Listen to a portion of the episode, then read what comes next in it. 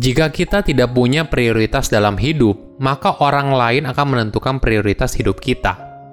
Halo semuanya, nama saya Michael. Selamat datang di channel saya, Sikutu Buku. Kali ini saya akan bahas buku Essentialism karya Greg McCowan. Sebelum kita mulai, buat kalian yang mau support channel ini agar terus berkarya, caranya gampang banget. Kalian cukup klik subscribe dan nyalakan loncengnya. Dukungan kalian membantu banget supaya kita bisa rutin posting dan bersama-sama belajar di channel ini. Buku ini membahas bagaimana menjadi disiplin untuk fokus pada tugas yang lebih sedikit namun memberikan hasil yang besar. Apakah kamu pernah merasa pekerjaan kok seperti nggak ada habisnya? Kamu sibuk, tapi kok nggak produktif? Kenapa 24 jam saja rasanya tidak pernah cukup? Jika kamu merasakan hal tersebut, mungkin kamu bisa mencoba gaya hidup esensialisme Esensialisme bukanlah soal strategi manajemen waktu atau teknik untuk jadi produktif, tapi merupakan disiplin yang sistematis dalam menentukan hal apa yang paling penting, lalu menghilangkan sisanya yang tidak penting, sehingga kita bisa fokus pada hal yang benar-benar penting. Gaya hidup esensialisme membuat kita jadi punya kontrol atas hidup yang kita jalani. Kita tidak lagi melakukan sesuatu karena terpaksa situasi atau kondisi, tapi kita memilih apa yang kita kerjakan saya merangkumnya menjadi tiga hal penting dari buku ini. Pertama, apa itu esensialisme? Gaya hidup esensialisme berarti hidup berdasarkan hal yang kita tentukan sendiri, bukan hanya mengikuti alur saja. Alih-alih mengambil pilihan secara reaktif, kita dengan sadar membuat pilihan yang penting daripada banyak pilihan yang kurang penting. Coba sesekali kamu berhenti untuk melakukan semua hal, berhenti untuk bilang iya kepada setiap orang, maka dengan begitu, kamu baru bisa fokus memberikan hasil yang besar. Mungkin kita sering dengar atau bahkan kita yang melakukan sendiri, yaitu kegiatan pamer kesibukan.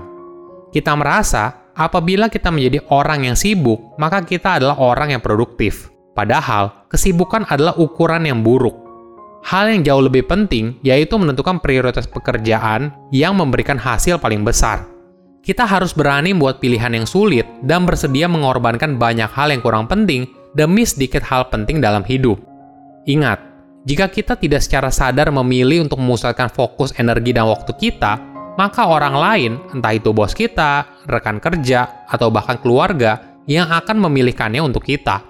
Tentu saja hal ini tidak baik, karena yang paling tahu mana prioritas terbaik untuk hidup kita, ya diri kita sendiri, bukan orang lain. Memang, kita tidak selalu punya kontrol atas pilihan dalam hidup, tapi kita selalu punya pilihan bagaimana untuk memilih dari pilihan yang ada. Kadang, apa yang tidak kita kerjakan sama pentingnya dengan apa yang kita kerjakan. Kenapa begitu? Setiap pilihan yang kita buat pasti ada konsekuensinya. Jika kita fokus mengerjakan semua hal, apakah hasilnya akan sesuai dengan harapan? Atau lebih baik, kita memilih prioritas terbaik dan fokus menjalankan prioritas itu sebaik-baiknya. Ini merupakan fondasi berpikir dasar yang kita harus pahami dulu. Jangan terjebak dalam semua pilihan yang banyak, tapi kehilangan waktu untuk mengerjakan prioritas utama dalam hidup. Pendekatan esensialisme bisa dibagi menjadi tiga bagian. Pertama, eksplorasi dan evaluasi.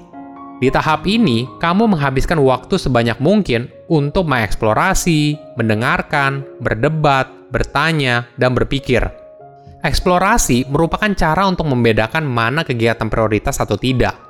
Tahap kedua adalah hilangkan. Kita secara aktif memilih untuk menghilangkan aktivitas dan upaya yang tidak memberikan kontribusi tinggi dalam hidup. Tahap ketiga adalah jalankan. Investasikan waktu yang sudah kamu hemat ke dalam sebuah sistem dan membuat eksekusi semudah mungkin. Ketiga tahapan ini tidak berdiri sendiri, namun merupakan proses siklus yang bergantung satu sama lain. Kedua, Kemampuan untuk memilih.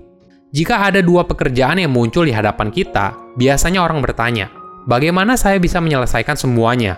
Tapi orang dengan mindset esensialisme bertanya, tantangan mana yang ingin saya pilih? Berkorban satu hal demi hal lain akan membuka peluang yang besar bagi kita. Jika kita selalu melihat pilihan dengan kacamata yang lebih kritis, maka peluang kita untuk mencapai hasil yang diinginkan akan semakin besar. Memilih apa yang harus dikorbankan adalah bagian dari hidup ini bukan soal menyerah pada pilihan yang lain, tapi menentukan pilihan mana yang ingin kamu fokuskan untuk mencapai hasil yang besar. Ada perspektif yang menarik. Tidak mengerjakan apa-apa atau mengerjakan semuanya merupakan tanda kalau kamu tidak berdaya. Pernah nggak dengar kalimat, saya harus kerjain, atau semuanya penting, atau saya bisa kok menyelesaikan semuanya. Mungkin sekilas tidak ada yang salah dari kalimat itu, namun jika kita membedah lebih lanjut, ini merupakan asumsi yang salah. Coba kalimat di atas kita ganti jadi seperti ini. Dari saya harus kerjain, menjadi saya memilih untuk mengerjakannya. Dari semuanya penting, menjadi hanya sedikit hal yang penting. Dari saya bisa mengerjakan semuanya, menjadi saya bisa mengerjakan apa pun, tapi tidak semuanya. Ini adalah kekuatan dari sebuah pilihan yang terkadang kita lupakan. Di kondisi apa pun, kemampuan seorang untuk memilih tidak akan bisa direnggut dari dirinya. Kemampuan itu hanya bisa dilupakan.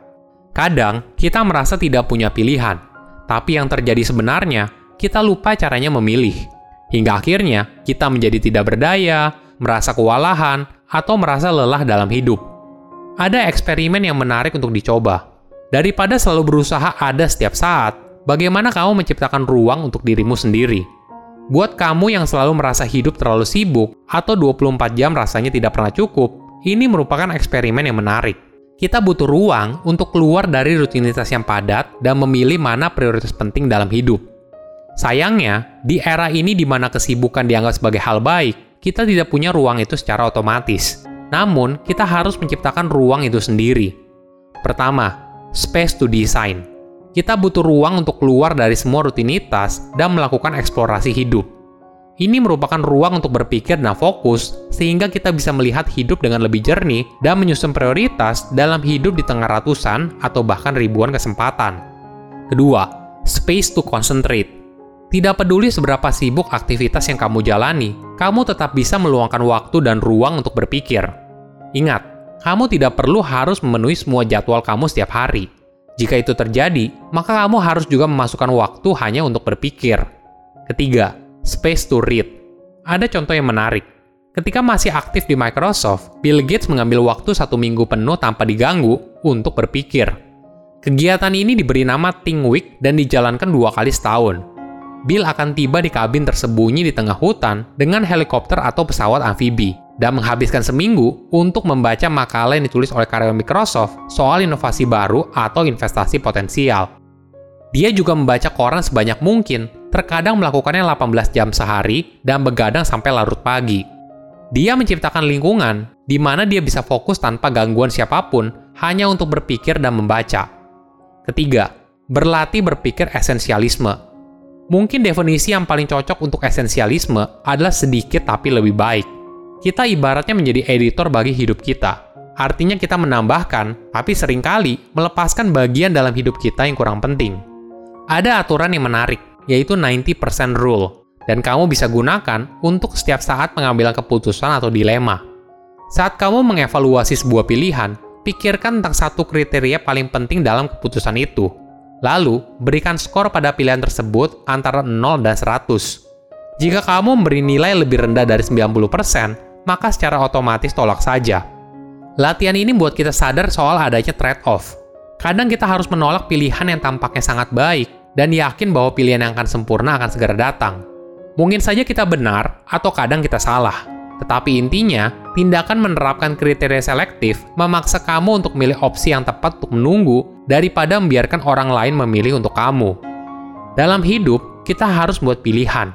Bukan cuma soal pilihan yang lebih sedikit, tapi memilih prioritas yang mampu memberikan hasil paling besar bagi hidup kita. Silahkan komen di kolom komentar pelajaran apa yang kalian dapat ketika baca buku ini. Selain itu, komen juga mau buku apa lagi yang saya review di video berikutnya. Saya undur diri, jangan lupa subscribe channel YouTube Sikutu Buku. Bye bye.